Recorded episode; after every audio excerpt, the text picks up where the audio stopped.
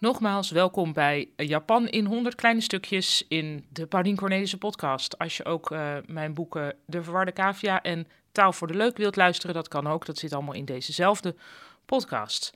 Ik hoop dat het nieuwe jaar, uh, ja, nou, in ieder geval oké begonnen is voor de meeste luisteraars.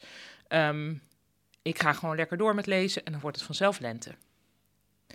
Hoofdstuk 33. Spreekwoorden over vrouwen. Over de hele wereld komen vrouwen er in spreekwoorden meestal niet zo goed van af. Zo ook in Japan. In het hart van een vrouw zitten slangen, is er eentje.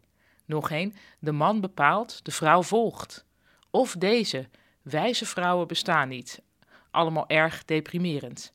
Maar een recenter Japans spreekwoord zegt: twee dingen zijn na de oorlog sterker geworden: sokken en vrouwen.